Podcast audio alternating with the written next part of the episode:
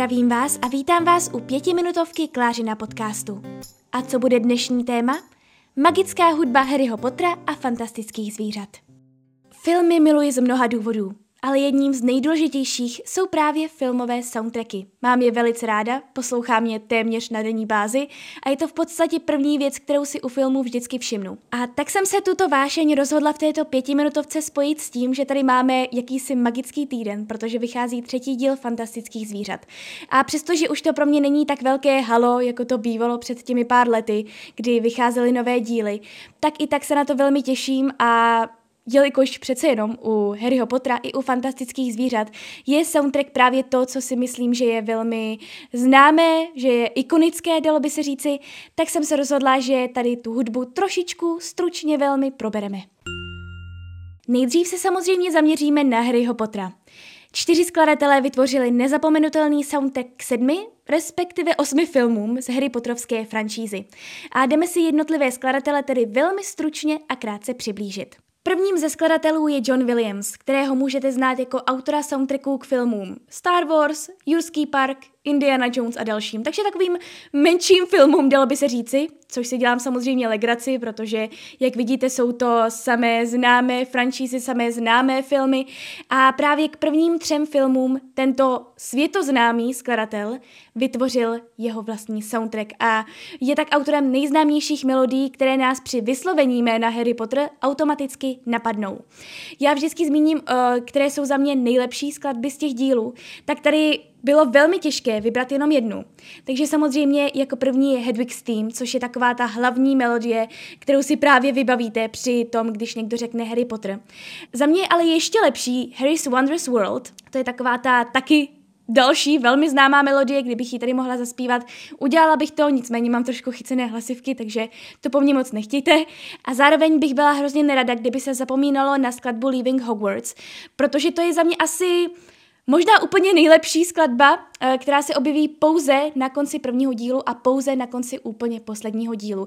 A já osobně mám takovou trošičku zvláštnost nebo um, skladby, které mně se většinou líbí nejvíce, jsou právě takové ty ending themes, takové ty, kdy už víte, že je konec toho filmu, kdy už víte, že je všechno dobře, nebo naopak všechno špatně a kdy prostě tak nějak cítíte, že je to vyloženě ten konec. A tyhle skladby já mám asi úplně nejradši a proto za mě Leaving Hogwarts je asi úplně nejlepší, co se týče právě skladatele Johna Williamse, protože samozřejmě mám ještě nějaké nebo alespoň jednu oblíbenější skladbu, která je z celé té Harry Potterovské ságy pro mě asi úplně nejoblíbenější. Jeho skladby jsou tedy hravé, nadějplné a, jak říkám, autentické pro celou sérii. Vytvořil základ pro ostatní skladatele, kteří na něj velmi zdařile navázali. Dostáváme se tedy ke druhému skladateli, kterým je Patrick Doyle, který skládal pouze do jednoho dílu, ale za to pro mě třeba nejoblíbenějšího dílu, a to Harry Potter a ohnivý pohár.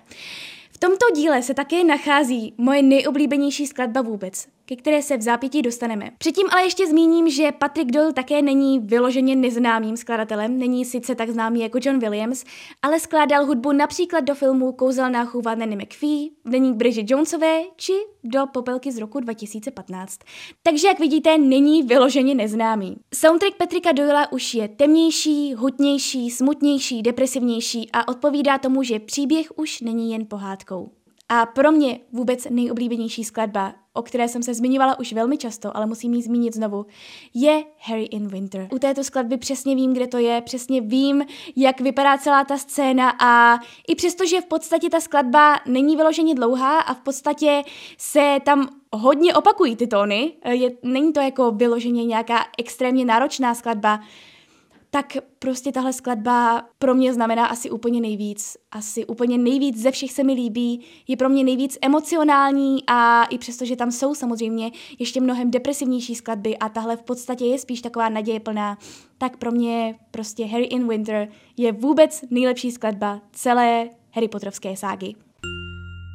Tak, dostáváme se ke třetímu skladateli a tím je Nicholas Hooper, který toho upřímně jinak moc nesložil. Snažila jsem se najít nějaké další filmy, které bych mohla alespoň znát, ale upřímně Žádné jsem neznala, takže asi nejznámější dílo pro ní jsou pátý a šestý díl Harryho Pottera. Soundtrack Nikolase Hoopera je ještě temnější a zase určitým způsobem odlišnější od těch předešlých soundtracků. A v tomto případě hlavně výběrem nástrojů. Zatímco předešlé díly stály vyloženě na orchestru, tak tady například ve skladbě Fireworks z pátého dílu se objeví dokonce i elektrická kytara. Je to jednoduše méně orchestrální. Což mě vyloženě nevadí, není to vyloženě špatné, ale já osobně preferuji spíše orchestrální verze. Abych to uvedla na pravou míru, je to tedy především v pátém díle. V šestém už zdaleka tolik těch hravějších, takových jako experimentálnějších skladeb není. Uh, jsou tam už potom v podstatě vyloženě depresivní tím, co se prostě v tom díle děje. A za mě nejlepší skladba, myslím si, že tady to bylo asi jasné, je Dumbledore's Farewell, která jistě víme, pokud znáte sérii Harry Pottera, tak víme, u čeho hraje eh, při jaké příležitosti. No a posledního dílu, respektive dvojdílu, protože poslední díl byl rozdělen na dva filmy, je můj velmi, velmi, velmi oblíbený skladatel Alexandre Desplat, který je tady úžasným francouzským skladatelem, který stojí například za Dánskou dívkou, Kódem Enigmy, za Grand Hotelem Budapešť, za Malými ženami, je držitelem mnoha Oscarů, nebo alespoň dvou Oscarů, což už jako poměrně velké číslo je. A v porovnání se všemi je jeho soundtrack ze všech nejdepresivnější, pochopitelně. Odpovídá to příběhu. A za mě nejlepší skladbou, i když i v tomto případě to bylo poměrně dost těžké vybrat, je Lily's Theme. Je tam strašně poznat jeho rukopis, když znáte třeba nějakou jeho tvorbu, jak jsem zmiňovala třeba Dánskou dívku nebo Kód Enigmy, tak si myslím, že ho tady v tom hrozně poznáte. Je to velmi smutná skladba, velmi emotivní skladba a takové umí prostě a jednoduše jenom Alexandr Despla. Tohoto skladatele vám velmi doporučuji a společně s Hansem Simrem a dalším skladatelem, kterého v zápětí zmíním, patří mezi tři moje vůbec nejoblíbenější současné filmové skladatele.